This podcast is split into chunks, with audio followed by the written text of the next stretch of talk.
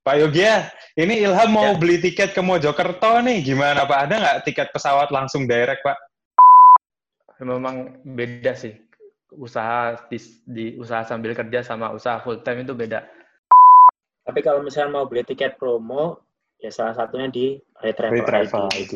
Weh, mantap. Habis ini buka puasa bareng Retravel ID enggak ya?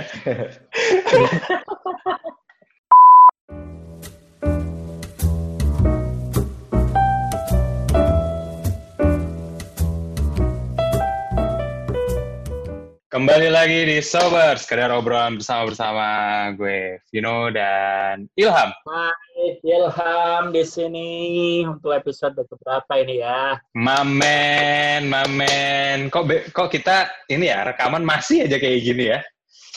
Iya. Dipakai Zoom meeting. Gak pengen improve apa Pak ya? Kita berapa atau apa gitu. Iya deh, gimana ya? Aduh, masih aja. Kita masih pakai yang gratisan ini. Masih yang gratisan ya, ginilah namanya juga podcaster uh, apa ya? Podcaster cuma-cuma. bermodal cuma-cuma, bermodal cuap-cuap ya kayak gini, Pak. Kayak gitu. Ya udah, Pak, yang penting uh, tersalurkan lah ya, Pak ya. Untuk iya. mungkin ini jadi hobi ya, Pak? Sebagian dari ngisi waktu senggang, Pak. Oh iya, benar juga sih. Uh, kebetulan kita memang ketika take ini kan di weekend ya, di weekend.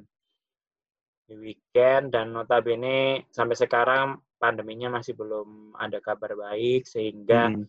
tetap diharuskan untuk stay di rumah aja. Yang itu bikin kita nih benar-benar udah mengelola stres itu kadang-kadang udah bingung nih caranya bosen seperti apa. Bosen. Sebenarnya tuh Pak ya, kalau misal lagi bosen kita kan, kalau nggak ada corona itu kan enaknya liburan ya. Mana lagi tahun ini tuh tahun 2020 tuh banyak banget sebenarnya tanggal merah ya kan Pak.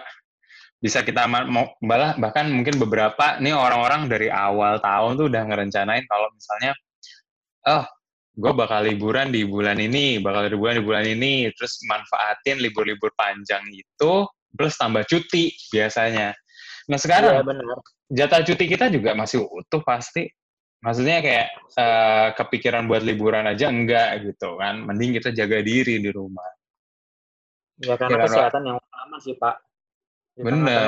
Karena pandemi seperti ini uh, kita nggak boleh ketakutan yang berlebih.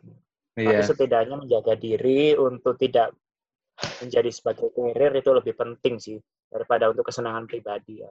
Iya, ya kan? Apalagi um, kita kan kalau misalnya di hari biasa nih nggak ada pandemi paling kan kita udah ngeliat tuh harga tiket berapa nih gitu. Pasti kita juga cari-cari yang lebih murah yang yang harga yang paling murah lah pastinya kan gitu. Terus juga lihat harga hotel apa segala macam gitu. Itu pasti udah kita rencanain lah di awal-awal tahun. Nah mungkin sekarang nih gara-gara pandemi ini kita nggak ada bolehin keluar ka eh keluar kantor. Keluar rumah. Nggak boleh keluar rumah nggak ada bolehin ke mana-mana. Mungkin travel-travel atau agen-agen tiket gitu mungkin ini ya pak ya ber, berpengaruh kali ya. Iya, mungkin lagi suffer nih ya, lagi suffer karena kita memang bukan pelaku industri ini. Jadi ketika memang lihat berita-berita, salah satu yang suffer adalah industri travel. Uh, uh. lay off, kemudian permintaan jadi drop, sehingga saya juga nggak tahu nanti secara bertahannya mereka ini seperti apa. Nah, kebetulan hari ini kita ada tamu sih Pak ya. Jadi kebetulan kita punya teman, dia salah satu pengusaha travel di bidang ya baik domestik dan internasional dan kalau misalkan teman-teman pendengar podcast Sobre ada di sini, saya lihat beberapa ada yang follow akunnya si travel ini karena memang Uish. dia memberikan harga yang relatif terjangkau dibandingkan ya, travel apa harga-harga yang pernah kita lihat. Nah, saya juga nggak tahu itu seperti apa. Biar nanti kita langsung dijelaskan aja sama si owner dari travel ini, namanya Retravel ID. Wih. Oke. Halo. Baik, Pak, silakan diundang, Pak. Halo. Halo, Bro. Halo. Yogia, gila, ownernya Retravel ID.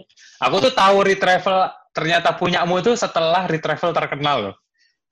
Maksudnya, Setelah wah udah udah booming dulu Retravel, baru wah Yogia yang punya ternyata. tahunya dari mana mantap dulu? Bro? sekali, mantap banget. Tuh Vin, tanya Vin, taunya dari mana Vin? Tahunya dari mana? Taunya banyak Awalnya. sih dari teman-teman, dari Instagram ya terutama itu muncul banget di explore di timeline itu Hmm. mantap sekali. Mantap sekali Bapak Iya, you. Pak Yogia, ini Ilham mau Ya. beli tiket ke Mojokerto nih. Gimana Pak? Ada nggak tiket pesawat langsung direct Pak? Jakarta Mojokerto. Bandaranya dibangun dulu. Oh, bangun dulu bandaranya. Oh, enak. Oh iya iya iya. Kan semua tiket ada di Pak di Pak Yogia ini kan di Red Travel ID ini mantap banget. Iya. Oh iya Pak, mungkin boleh cerita uh, Retravel ID awalnya berdiri seperti apa dan udah jalan berapa lama sekarang pengembangannya?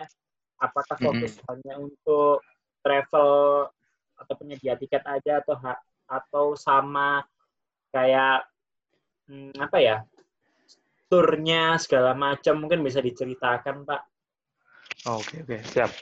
Jadi, uh, Retravel ID itu pertama berdiri tahun 2016. Uh, yang menggagas pertama sebenarnya bukan saya, tapi uh, istri saya sekarang. Jadi dulu dia ngajak saya jualan tiket, karena pas pada Hmm. waktu itu saya posisi udah resign dari perusahaan di Surabaya, Hmm. lagi nggak ada kerjaan ya udahlah disuruh jualin tiket. Habis itu eh, saya lihat kok banyak yang minat lalu nggak nggak sesusah. Kan saya pas zaman kuliah juga sering jualan sering dulu pernah buat ojek juga. Oh iya ojek. Ke benar-benar. Kalau lebih gampang jualan tiket seperti ini? Ya udah saya coba uh, tekunin. Lalu 2017 saya ke Jakarta karena pengen nyoba cari kerjaan di Jakarta. Karena pas saat itu ya bener rame cuma belum bisa memenuhi uh, maksudnya pendapatannya nggak segede pas saya kerja di Surabaya dulu. Jadi saya ke Jakarta uh, lalu daftar daftar kerja di Jakarta.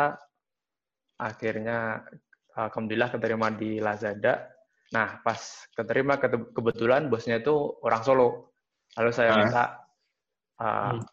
ke dia kalau misalnya saya kerja di sana sambil jualan boleh nggak? Ya udah katanya boleh tapi kalau bisa jangan mengganggu uh, aktivitas kerjaan. Dan sejak saat itu dari 2017 saya jualan tiket. Pada pada saat itu masih tiket aja sambil kerja di Lazada. Jadi kayak bangun jam setengah lima itu habis. Kalau uh, masih bisa sholat subuh sholat. Kalau enggak ya lewat. Lalu buat konten di Instagram. Buat konten habis itu pas kerja. Nah jam 12 itu baru bisa jam-jamin customer gitu. Sampai akhir 2017 itu produknya masih tiket pesawat juga. Karena kalau jualan hotel tuh agak susah. Jadi masih fokus di tiket. Lalu di uh, di Lazada juga saya belajar banyak tentang mungkin tentang apa ya? Tentang Excel tentang uh, teknologi yang saya dulu pas kuliah nggak nggak bisa pelajari. Jadi saya terapkan itu di di Retravel. Akhirnya 2017 bulan Desember saya uh, mengajukan resign karena merasa uh, ini sudah cukup belajarnya dan Retravel sudah semakin besar. Nah, lalu bulan akhirnya dari bulan Januari 2018 saya menjalankan Retravel uh, saya menjalankan Retravel Hmm. dengan uh, apa namanya? dengan full time. Jadi nggak Mhm. nggak dengan nggak dengan apa kerja dan uh, memang beda sih usaha di, di usaha sambil kerja sama usaha full time itu beda bulan Januari itu memang langsung omsetnya meningkat dua kali lipat daripada bulan Desember yang mana bulan Desember saya masih kerja di Lazada. Itu berarti Bapak mempelajari, itu Yogia mempelajari SEO gitu ya, biar ningkatin travel yang berkunjung. Kalau masalah traffic. Ah, kalau masalah traffic itu uh, saya belajar sendiri, gak ada di Lazada. Jadi belajar kadang uh, dulu paid promote, lalu Instagram ads, lalu ngutak-ngatik sendiri kan pada waktu Instagram ads itu bisa diedit lokasinya berapa, umurnya berapa gitu, yeah. diutak-atik gimana yang paling pas gitu.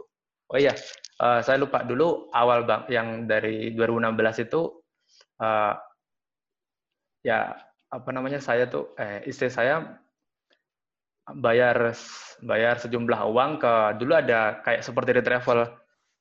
Dia uh, membuka pendaftaran ini loh yang mau jual tiket. Uh, saya mau ajarin kalian sampai bisa dengan bayar sejumlah uang. Awalnya gitu.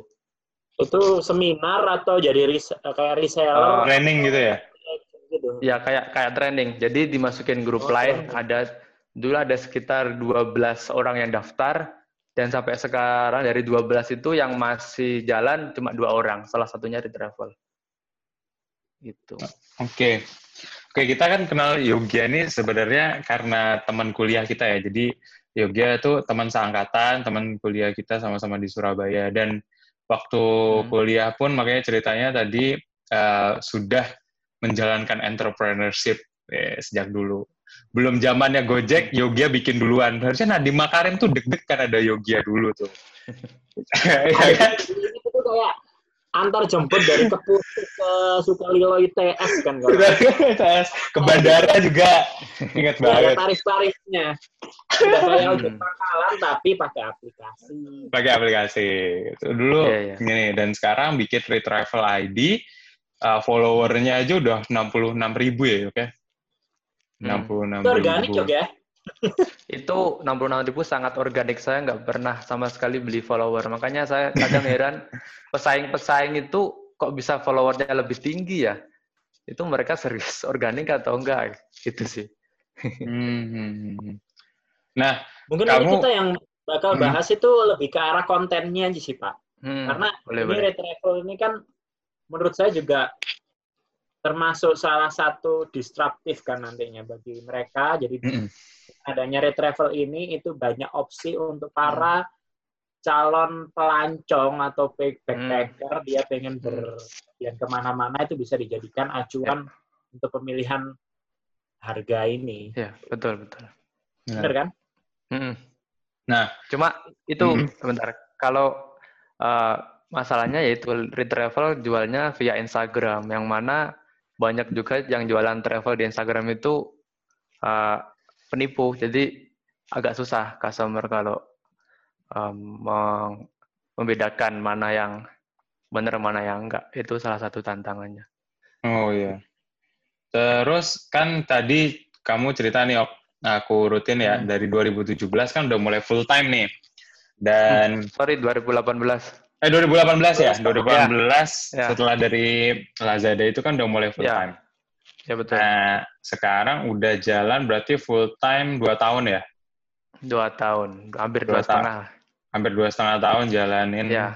full time. Nah, hmm. berarti kan sampai bisa growth-nya setinggi ini nih, berarti kan kamu pernah um, ada di Uh, nah, sekarang maksudnya sekarang di 2020 kan kondisinya kita sama-sama tahu hmm. nih. Kita sama-sama tahu yeah. kondisinya lagi lagi susah nih. Maksudnya hmm. uh, susahnya seperti apa sih aku nggak tahu. Tapi di gambaran kasar kita itu hmm. uh, pastinya ada penurunan gitu. Nah, kalau dulu dari 2018 sampai 2020 itu kamu pernah uh, masa apa ya masa jayanya itu kamu rasakan setelah berapa lama setelah kamu full time itu? Dari Uh, yang jelas dari pas 2017 kerja di Lazada Desember, misal nih untungnya uh, 5 juta, sebelumnya cuma 4 juta, 4 juta, 5 juta, begitu full time Januari langsung 11 juta, langsung dua kali lipat. ya. Hmm. Di situ naik, naik, naik terus. Uh, paling jaya itu ya uh, November, Desember, Januari 2020 ini. November 2019 2020. Akhir Atau? 2019 awal 2020. Oh, gitu. Februari langsung jatuh sejatuh-jatuhnya. Hmm. Oh. Iya, iya, iya. Itu ya, apa namanya? Um, berarti sebenarnya baru ngerasain nih, baru ngerasain sendiri. Uh, berarti kamu kamu sendiri maksudnya kamu tuh baru ngerasain hmm. growth tertinggi nih kemarin gitu. Hmm. Terus sekarang iya, langsung kena banget. langsung kena dihempas. Ya maksudnya ya iya. boleh dikatakan ya langsung ada penurunan yang signifikan ya tahun ini. Iya. Nah, It, sekarang uh, kalau ya karena lagi kayak gini gitu kan, yang mengalami penurunan kan nggak cuman kamu nih. Boleh yeah, dikatakan lah pemain-pemain besar pun juga kena impact-nya kan gitu. Iya, betul. Pemain-pemain besar gitu. Nah, kamu selama ini buat menghadapi krisis kayak gini apa yuk? Hmm. Kita pengen jadi, tahu tuh. Jadi uh, Januari 2020 itu kan masih tinggi penjualan. Nah, Februari udah jatuh, Maret Februari udah jatuh minus, Maret minus.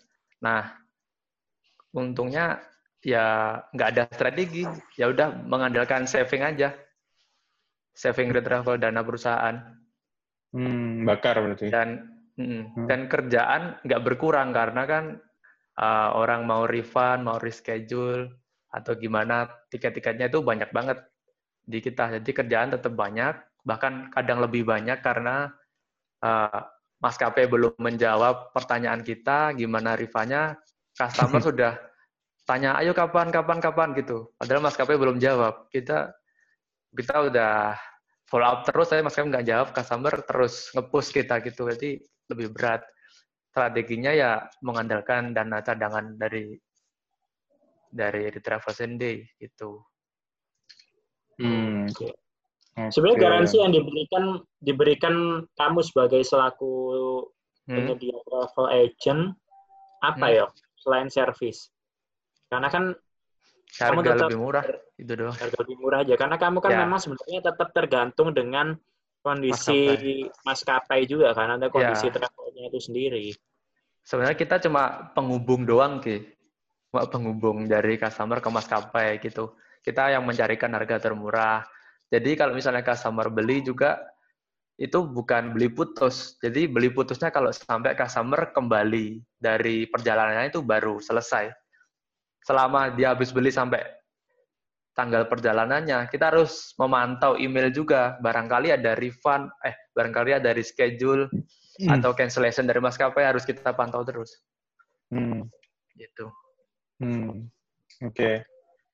Ya, yeah, menarik ya. Terus uh, kan kalau apa namanya um, kamu apakah ada so, selain tadi kan pakai dana dana hmm. yang dana saving ya selama ini ya hmm. Hmm. nah pakai dana saving terus uh, apa namanya dulu core core jualannya kamu adalah tiket terus tiket. aku lihat sih terakhir-terakhir ini kan kamu ngepostnya di Retravel hotel. ini soal hotel ya. Itu iya, termasuk ya, backup plan nggak? Termasuk plan B nggak? sih. Itu oh, enggak, ya? termasuk ya? kayak mukjizat gitu sih. Jadi Februari Maret minus, terus April aku lihat ada hotel yang jual lebih murah dari biasanya, ya udah aku bantu jualin. Lalu Mei, alhamdulillah punya kenalan tiba-tiba uh, dari Instagram aku coba chat terus kayaknya dia terasa akhirnya dia jual hotel-hotel bintang 5 yang lagi diskon juga di Bali ya udah. Sekarang kita fokus jualan itu dan itu nggak terencana. Oh gitu. Iya, sebelumnya cuma nunggu kapan ini berakhir gitu doang sih sebelumnya plan plan awalnya. Oke. Okay. Oke. Okay. Tapi yuk, Sebenarnya uh, yang aku pengen tanyakan lagi adalah gimana kamu bisa memberikan hmm, apa ya service yang terbagus dari Retravel ID dibanding hanya sekedar harga murah. Hmm. Jadi kayak benefitnya apa sih harus ke Retravel daripada ya, sorry kayak Traveloka, tiket.com, iya. pergi-pergi kan kalau, mereka kan punya nama yang lebih besar. Kalau service sih survive sih. Uh, kalau service uh, menurutku emang belum bisa menyaingi mereka. Cuma seperti ini deh kayak kondisi pandemi kayak gini, kayak corona, yang customer itu cuma uh, customer bisa hanya dengan chat kita, lalu kita bantu urusin semua tiketnya.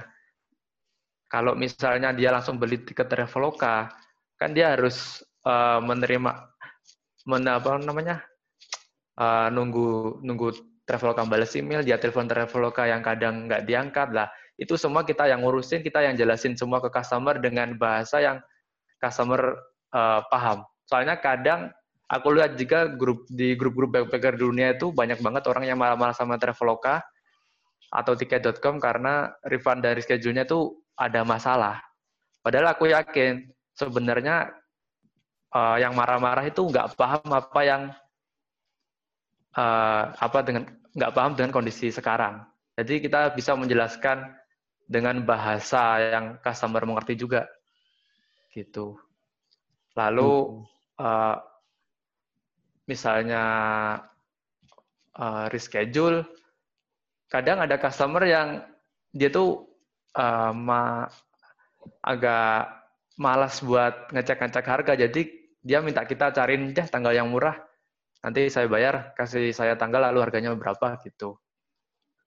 Oh jadi lebih ke langsung ke personalnya ya masing-masing. Hmm. padahal padahal ya kalau aku hmm. dengar dari kita eh, dari kita pernah cerita sebelumnya aku hmm. pernah tahu kalau misalkan Yogia uh, awalnya hanya punya satu karyawan nah sekarang kan hmm. kan bertambah kalau boleh tahu sekarang karyawannya berapa ya sekarang empat empat karyawan empat hmm. Ya, berkembang sih itu hitungannya ya Pak ya, Pak Vino. Iya, ya, benar Pak. Benar. Ini dan salah satu apa ya? Um, makanya setelah setelah aku di kan ini based on apa ya? Uh, katakanlah marketing dari mulut ke mulut gitu loh, based on marketing dari mulut ke mulut hmm. dan orang cukup convince dengan Instagramnya Retravel itu hmm uh, ya aku lihatnya sih emang Retravel salah satu yang cukup convincing untuk jualan tiket gitu. Hmm. Makanya kemarin ya jadinya sih orang orang-orang juga jadi ini sebagai acuan makanya itu ya aku bilang itu. Hmm. Aku kalau misalnya aku nih gitu, aku sebenarnya cukup skeptis nih sama orang-orang yang jualan tiket di Instagram gitu sebenarnya gitu. banyak gitu. Banyak, banyak banget banyak banget websitenya cuman tuh, dan modelnya tuh sebenarnya sama ya. sama retravel gitu oh model hmm. dia ini tiket gini hmm. tapi karena ada apa ma, apa ya istilahnya uh, marketingnya market, maksudnya marketing dari mulut ke mulutnya itu tadi yang hmm. cukup kuat jadi meyakinkan aku untuk ngelihat ini retravel ini bisa memang jadi acuan gitu bukan karena hmm kamu temenku enggak karena memang ini oke okay, gitu. Dan aku baru tahu tuh ternyata ini punya kamu gitu loh. Serius itu. Kalau di tahun 2020 ini uh, kondisi karena kondisinya seperti itu kan banyak pastinya kemungkinan untuk orang-orang nggak pergi nih. Dan sambil menunggu uh, pandemi ini mereda dan uh, kondisinya membaik itu Nah, setelah mereda, setelah mereda dan kondisinya membaik, pastinya orang-orang yang udah kelamaan di rumah ini kan pengen jalan-jalan nih. Menurut kamu nih, Yok, sebagai orang yang sudah berkiprah full time dari dua setengah tahun yang lalu di dunia travel, uh, apakah gaya travel orang pada saat pandemi, eh pada saat setelah pandemi nanti itu akan sama atau beda ketika eh, dengan dulu sebelum pandemi?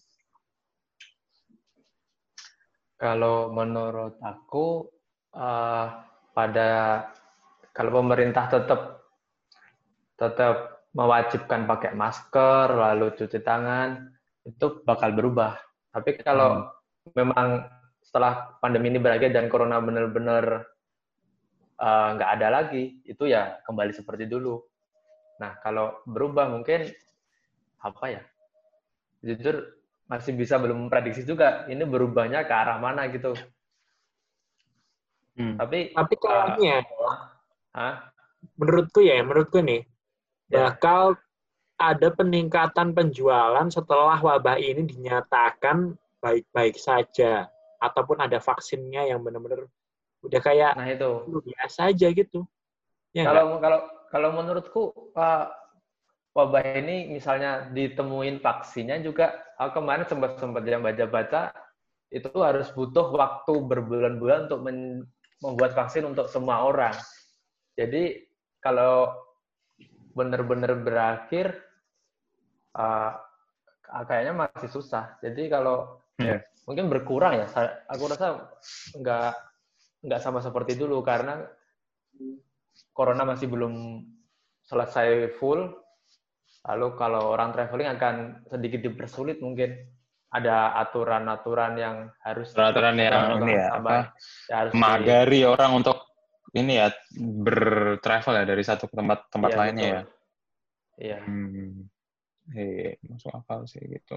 Itu mungkin nanti orang-orang mungkin mencari kalau yang dulu experience dari liburan, sekarang mungkin experience dari uh, yang bisa dilakukan di rumah kayak nonton film, Netflix atau gimana gitu. Hmm. Menurutku kayak gitu. Oke. Okay. Mungkin yeah. Yogia ada ada apa ya insight-insight khusus gitu bagi para calon pengguna tiga, eh, calon pembeli untuk menghindari hal-hal bersifat fraud itu. Kadang-kadang uh, gini sih, ya. Lanjut, lanjut, lanjut, lanjut. Sorry, sorry. Ya, banyak sekali yang uh, calon customer atau follower travel itu yang uh, apa tertipu karena ketidaktelitian mereka. Ya mungkin nomor satu lebih teliti lagi kalau mau beli di online yang mana banyak uh, penipunya, banyak fraudnya. Uh, saran paling gampang sih gunakan Tokopedia. Bisa nggak? Gitu. Mau nggak? Kalau mau Tokopedia biasanya Uh, Oke, okay. tapi ada juga yang dia uh, penjualnya itu mau lewat Tokopedia, tapi setelah tiketnya datang udah confirm ke maskapai ya, min sebulan, min seminggu, tiketnya ke cancel. Nah itu. Oh, ini pakai Tokopedia nyari travel ya? Iya, itu oh. punya Tokopedia. Oke. Okay. lalu yang kedua cek misalnya suruh transfer, dicek dulu transfernya atas nama siapa. Mungkin bisa di Google di Google dia itu siapa kayak gitu. Ada rekam jejak jelek nggak dari nomor rekeningnya kan? Sudah bisa sekarang. Ngecek nomor HP dan nomor rekening uh, via online itu pernah dilaporkan penipuan atau tidak gitu. Lalu mungkin testimoni. Kadang uh, Retravel menampilkan testimoni dari customer. Jadi kita uh, apa namanya add to story ya kalau di Instagram namanya jadi hmm. orang yang mau beli hmm. di Retravel itu dia nge-DM orang yang pernah kasih testimoni ke ke kita. Apa benar nih uh, jual tiket nggak nipu? Apa benar kakak sudah pernah beli di Retravel kayak gitu? Ya, ya, ya, itu itu penting juga ya. Apa review, review dari review. pengguna ya, review dari pengguna. Testimoni mungkin itu pak. Testimoni. Nah, testimoni. Nah, testimoni tapi yang itu yang customer beri jadi kayak kita research uh, follower travel masih bisa ngakses atau nge-DM orang yang memberikan testimoni itu dan bertanya. Kan ada kadang testimoni yang ambil dari pihak lain lalu ditaruh di tempat dia gitu. Banyak punya travel banyak banget dicuri testimoninya sekarang. Hmm, hmm, hmm. Itu case case yang terjadi di ini apa ya? di apa namanya dunia penjualan tiket di Instagram ya. Ya Pak, apa namanya Pak Yogia semoga Oh, nanti segera segera Segera centang biru deh Oh. ininya retravel ID-nya. Jadi verified account ya kan. Amin, amin. Nah, verified account. Jadi bisa ngadepin apa namanya akun-akun yang mencoba nyuri ataupun memalsukan identitasnya di travel gitu. Iya. Sebagai pengusaha travel atau Hmm. penyedia tiket layanan maskapai, Hmm. boleh di-share nggak cerita-cerita yang bad news-nya atau nggak enaknya jadi seorang penyedia layanan ini? Mungkin mu- dimaki-maki sama orang nggak dikenal kan rasanya bete tuh. Bad Gimana ngadepin news-nya, itu, Pak? Ada ada cerita deh. pengalaman buruk ya. Ini barusan banget jam setengah tiga tadi ada yang mau ngelaporin ke travel ke polisi. Gara-gara Gara-gara Oh, laporin ke polisi. iya Uh, dia ngajuin refund. Uangnya belum turun dari maskapai. Dia kira uangnya sudah turun dan retravel depositokan supaya retravel dapat uang dari deposito itu. Ada yang kayak gitu. atas dasar apa? Kayak Ya gitu. tahu ya dia main nud- nuduh aja kayak gitu. Oh, Itu. ya, banyak sih. Lalu- gitu. Eh, yang parah dua sebulan terakhir ada dua customer sih mau ngelaporin kita ke polisi. Yang pertama kemarin ibu-ibu Medan itu itu juga eh, masalah refund juga. Kita bilang maskapai nggak nggak bisa refund karena apa sesuatu hal eh, sa- aku lupa. Tapi dia tetap ngotot. Ini teman saya aja bisa, padahal itu maskapainya beda. Lalu pernah juga salah isut kan isunya masih manual di kita salah isut, jadi nombok. Lalu masalah refund, harusnya kita bilang ke customer yang balik itu 300 ribu, kita bilang customer yang balik 4 juta. Ya. Itu sih harus kose konsentrasi kalau jadi sini karena masih man- manual nggak se Tapi kan ketika refund kan nggak bisa 100% kan, Pak? ada yang bisa. Kalau- Ada yang bisa. Terus kalau misalkan peraturan-peraturan seperti yang saya lakukan nih, saya Hmm. ada tiket yang saya refund di salah Hmm. satu penyedia layanan Hmm. online tiket gitu kan. Itu Hmm. baliknya hanya sekitar 75% sampai 80%. Ya, s- saranku eh, cek di website maskapainya aja. Apakah ada peraturan yang memang baliknya harus gitu? Kalau memang peraturan maskapai seperti itu, ya udah emang gitu. Tapi kalau enggak, bisa malah di screenshot dari website maskapainya, dikirim email ke pihak penyedia layanannya itu. Ini kok cuma segini, padahal maskapainya bisa refund full. Kayak gitu Hmm. biasanya mereka bakal oh oke akhirnya refundnya ditambahin untuk gimana gitu Ya, ya, ya. seru ya. Termasuk banyak. kemarin Suka dukanya. Hmm. Hmm? saya sempat lihat Pak Yogi kan liburan ke Eropa dua minggu ya itu ya. nggak sampai Itu kayaknya pas pas lagi pandemi pandeminya loh. Ya, pergi ke Eropa itu. iya Itu bisa cerita nggak? Kayak gimana kondisinya di sana itu?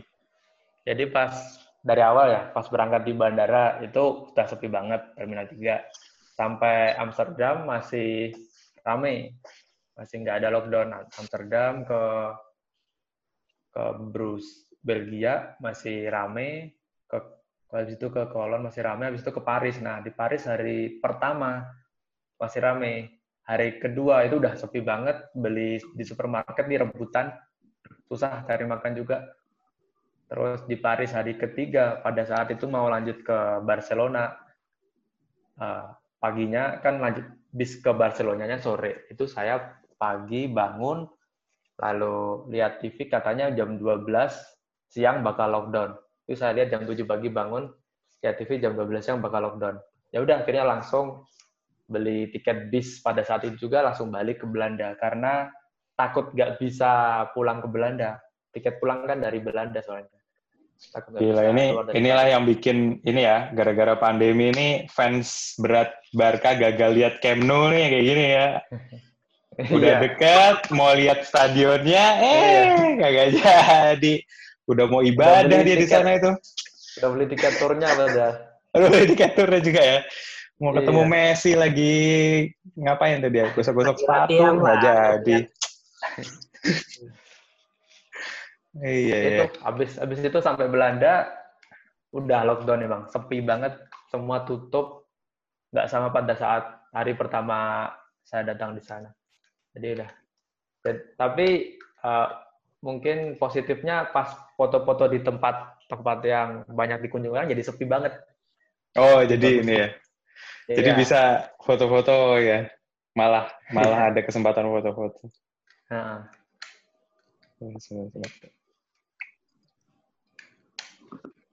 Iya sih itu benar-benar pengalaman yang tidak terduga di tengah isu Iya. global ya.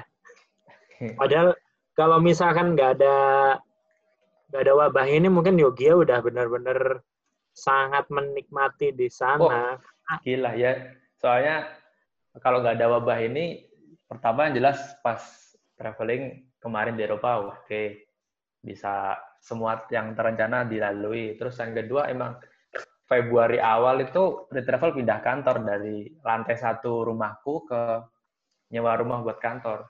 Wih. Terus pindah kantor, tambah satu karyawan, corona datang. Udah cocok itu. Ini ya Kita bakal lagi menyusul, kita juga lagi- bakal menyusul nanti dari profesional punya sambil jadi entrepreneurship. Lagi kita ya, saya sama Pak Vino lagi Amin. mengembangkan skill di bidang itu. Makanya kita berusaha gimana caranya eh, dapat insight dari teman-teman yang memang udah full entrepreneurship seperti apa. Iya, iya. Iya. Nah, kan eh, dari tadi nih kita soal apa ya banyak suka dukanya di dunia travel ngobrol sama Yugia sharing-sharing. Terus juga ternyata eh, bapak owner kita ini ngalamin sendiri kondisi buruknya eh, pada saat traveling ya di masa pandemi gitu kan. Iya. Nah, kalau menurutmu Yok, ke depannya tuh sebenarnya bisnis travel itu nantinya akan masih tetap hangat atau enggak? Segi bisnis dari segi bisnis. Kalau mon- menurutku dalam segi bisnis ke depannya kayak retravel eh, retravel retravel yang lain, seller lain kalau jual seperti di Instagram kayak gini bakalan lebih susah sih. Sebenarnya aku menyadari itu. Hmm, Itulah kenapa kita harus improve terus improve apa yang bisa kita jual. Soalnya eh, dulu 2016 me- meskipun kelihatannya orang kita jual tiket pesawat sampai sekarang sama, tapi proses kita operasional di belakangnya itu udah berbeda jauh dari sekarang. Gitu. hmm, Makanya dari 12 orang, awalnya dulu 6 bulan pertama mereka sama-sama jualan, sampai sekarang sisa dua orang yang tetap jualan sampai sekarang. Oke. Dan eh, kalau ke- bisa kamu lihat eh, akun-akun yang jual tiket pesawat promo di Instagram yang followernya lebih dari 50 ribu itu nggak sampai 10 akun. Oh, Dan eh, Salah karena ker- travel ID ini ya, ya. salah satunya ada travel. Dan karena kerasnya persaingan harga di sana, itu eh, 50% ngeblok Instagramnya Retravel. Aku juga nggak tahu kenapa. Iya, biar nggak tersaingi mungkin. Karena harganya mungkin sekarang kan kalau misalkan di travel lebih murah 50 ribu aja tetap diambil kok.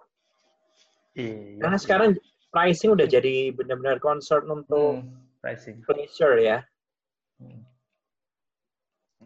Dan mungkin ada travel ke depan rencananya memang mau uh, nambah apa uh, bisnis lain sih.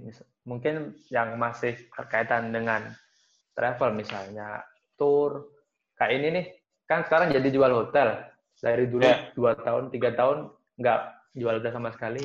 Nah ini rencanaku semoga kalau setelah corona hotel kalau masih jalan kita jadi dapat dua produk hotel dan pesawat.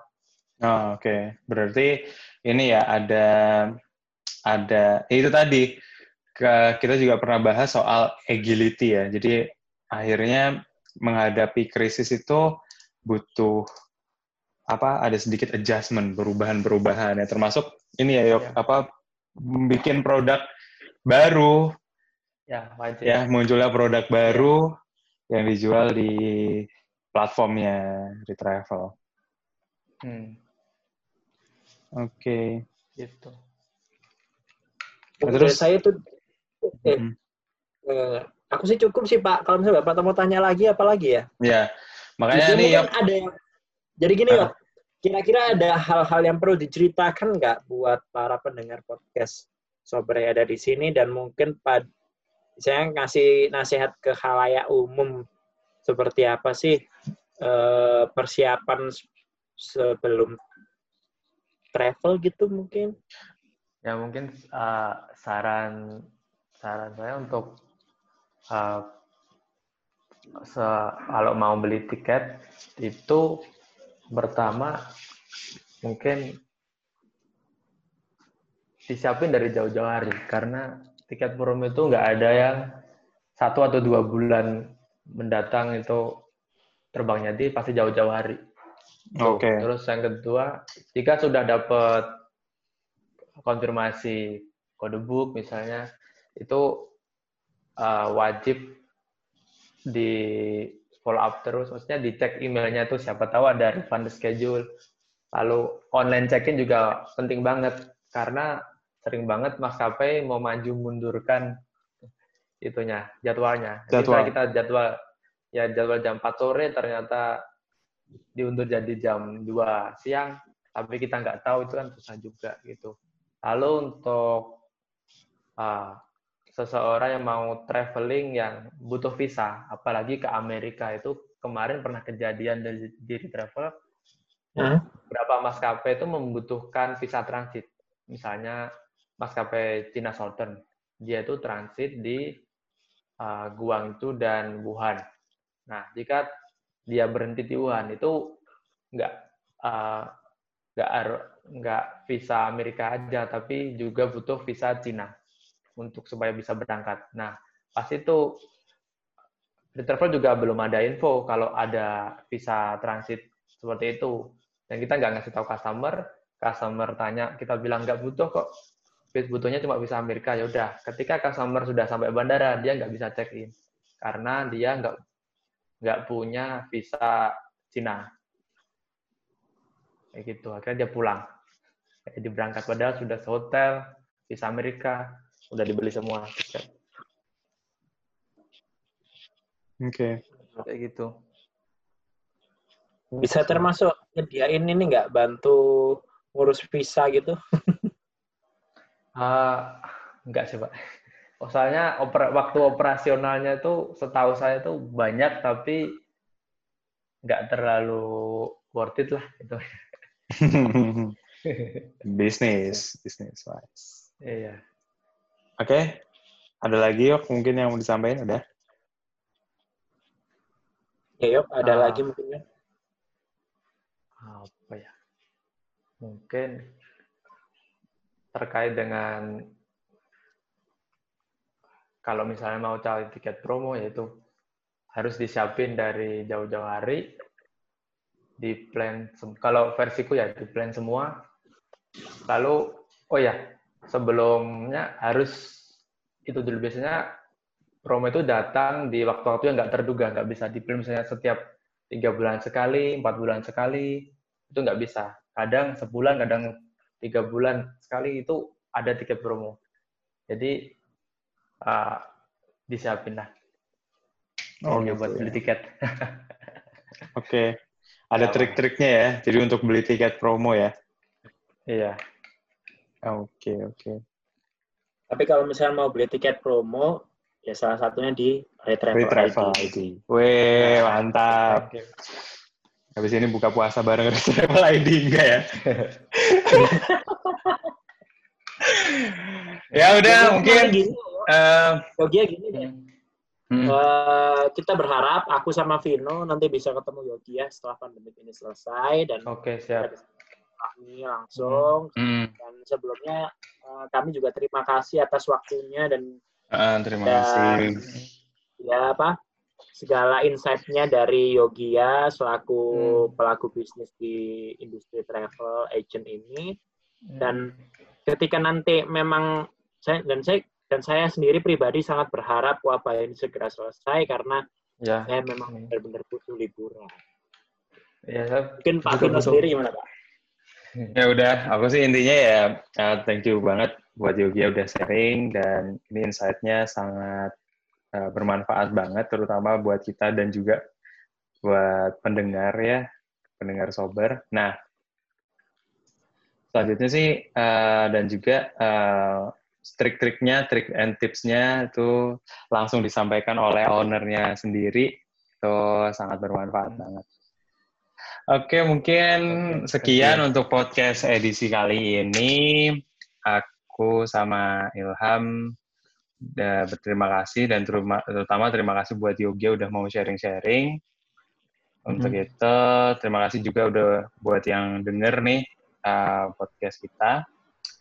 See you. Sampai jumpa di edisi berikutnya. Dadah. Dadah. See you. Thank you.